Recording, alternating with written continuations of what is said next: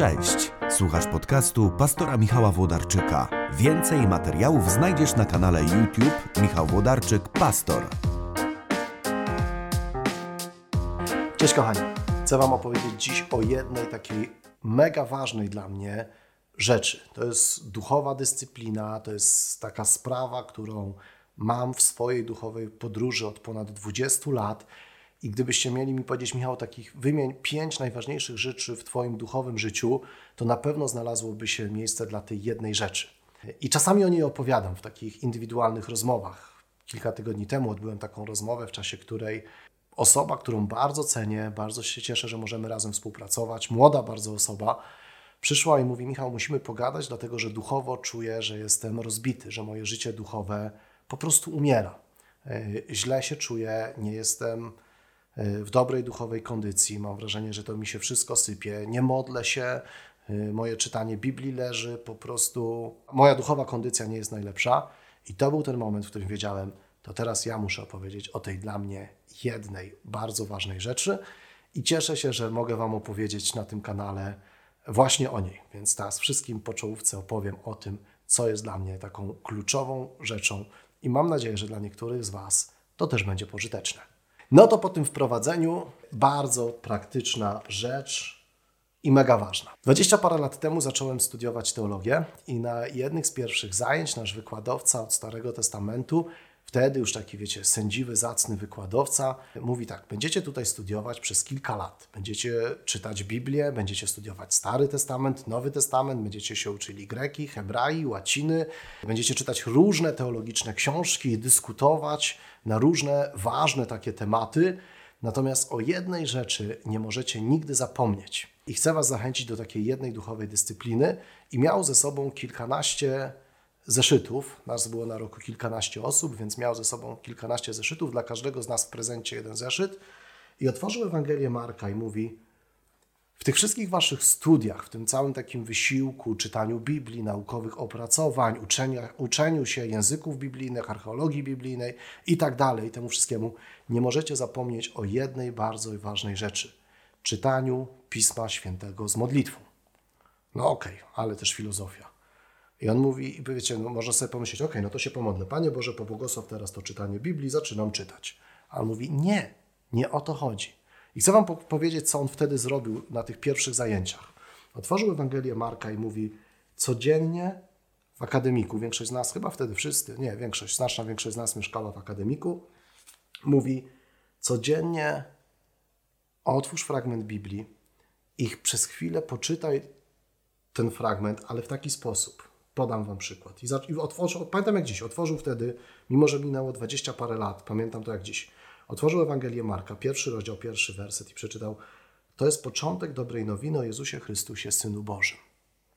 I potem mówi, jak przeczytasz ten werset, zacznij się modlić i przeżywać czas przed Bogiem, rozważając każde użyte tu słowo, mówiąc Boże, i, i zaczął się modlić. Zaczął się modlić na naszych oczach, co wyglądało co najmniej dziwnie, ale właśnie dlatego, że to zrobił, a teraz ja to powtórzę, ja wiedziałem, jak to mam praktykować w swoim życiu.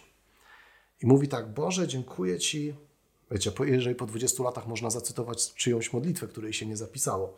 Boże, dziękuję Ci za to, że to jest początek Ewangelii, że słowo Ewangelia znaczy dobra nowina że Ewangelia nie jest nowiną złą, nie jest nowiną o potępieniu, o sądzie, o grzechu, ale jest nowiną dobrą, o zbawieniu, o odkupieniu, o przebaczeniu. Dziękuję Ci Boże, że to jest dobra nowina, że ona miała swój początek, że był taki moment, kiedy Jezus Chrystus przyszedł na świat, że był taki czas, kiedy Jezusa nie było, kiedy nie było Ewangelii, nie było dobrej nowiny.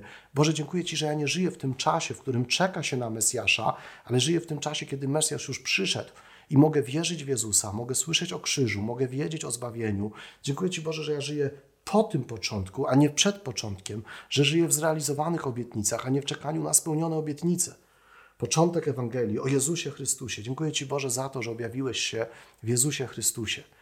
Że, że, że to był konkretny moment w historii, że Jezus jest rozpoznany jako Mesjasz, że Chrystus znaczy Mesjasz, e, że, że On przyniósł ratunek Synu Bożym. Boże, dziękuję Ci za to, że, Jezu, że ja wierzę, że Ty jesteś Synem Bożym, że dzięki temu ja mogę być Bożym dzieckiem, że jestem w Jezusie usynowiony. I wiecie, ta modlitwa jeszcze trwała i trwała. I mówi, i nawet jeżeli tego dnia tej, w czasie tej modlitwy nie przeczytacie całego wersetu, ale starczy wam czasu na połowę wersetu, to nie poganiajcie siebie samych, ale drugiego dnia zacznijcie od tej połowy wersetu, drugiej połowy wersetu, gdzie skończyliście. Czasami jednego dnia, czytając Pismo Święte z modlitwą, przez 10 minut będziecie modlić się jednym biblijnym słowem. Jednym biblijnym słowem, ale się nie śpieszcie. Oprócz tego są inne sposoby czytania Pisma Świętego. Codziennie ja staram się przeczytać kilka rozdziałów z Nowego Testamentu. Poza tym mam taki zwyczaj, taką książkę, w której też czytam codzienne rozważania, jeden fragment i potem takie medytacje albo rozważania różnych ojców Kościoła, też to, to jest duchowy czas, który pielęgnuję, ale pośród tych różnych sposobów czytania Biblii, czasami czytam po prostu studiując jakiś temat, więc na różne sposoby można Biblię czytać, ale o tym jednym najważniejszym dla mnie sposobie, czytanie Pisma Świętego z modlitwą, chcę Wam opowiedzieć i do niego zachęcić. Czytaj Pismo Święte z modlitwą. Nie śpiesz się, jeżeli jednego dnia przeczytasz pół wersetu, ale pozwolisz, żeby ten tekst Cię poprowadził w modlitwie, żeby ten tekst przemówił do Ciebie w taki sposób właśnie prowadząc Cię w modlitwie, prowadząc Cię w Twojej duchowej drodze, w spojrzeniu w Twoją duchową sytuację, to to będzie bardzo dobrze wykorzystany czas.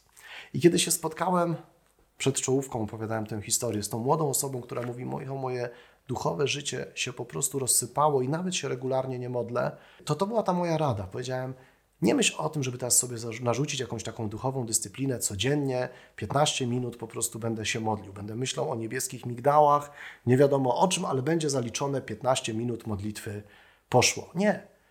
Moja rada brzmiała: zacznij czytanie Pisma Świętego z modlitwą. Otwórz jakiś fragment Nowego Testamentu. Otworzyłem teraz, na chybił trafił. Gdy tak podążał do Jerozolimy, przechodził środkiem Samarii i Galilei. Wiecie, to jest Ewangelia Łukasza. Tam Jezus, kiedy podążał do Jerozolimy, to połowa tej Ewangelii to jest wędrówka do Jerozolimy, więc ja tu widzę, kiedy Jezus tak podążał do Jerozolimy jeny, Jezus szedł na swoją śmierć, na śmierć za mną. On nie szedł do Jerozolimy na party, nie szedł do Jerozolimy spotkać się z przyjaciółmi, ale w Ewangelii Łukasza każdy krok do Jerozolimy przybliża zbawienie. Boże, dziękuję Ci za to. Jakie to jest potężne i niesamowite, że ta Ewangelia dokumentuje krok za krokiem, jak Jezus podążał do Jerozolimy, ale zaraz następny ten sam werset mówi, gdy tak podążał do Jerozolimy, przechodził środkiem Samarii Galilei.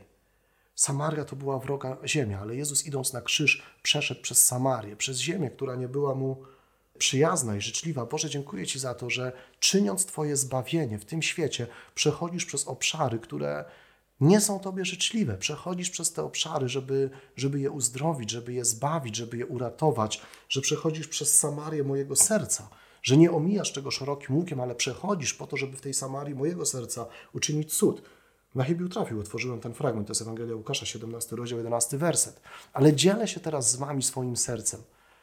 Zachęcam Was do czytania Pisma Świętego z modlitwą. Dla mnie to jest jedna z najważniejszych duchowych praktyk i powiem Wam tak, kiedy dwadzieścia parę lat temu usłyszeliśmy to na pierwszych zajęciach ze wstępu do Starego Testamentu, Wiecie, my byliśmy pełni oczekiwań. Ja sobie myślałem, wow, będę uczył się biblijnych języków, będę czytał tych wszystkich mądrych teologów, napcham głowę taką wiedzą.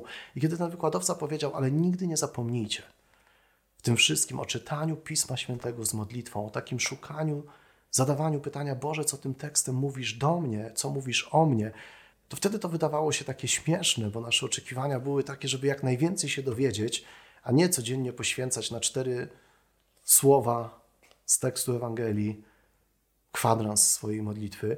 Dzisiaj odkrywam siłę tego, pamiętam tamto wyjątkowo. Oczywiście on nam rozdał te zeszyty i mówi: notujcie, notujcie to, co Pan Bóg do Was mówi, notujcie to, co przeżywacie, notujcie to, co odkrywacie w tym tekście, bo kiedy będziecie do tego wracać, to będzie w Was ożywać.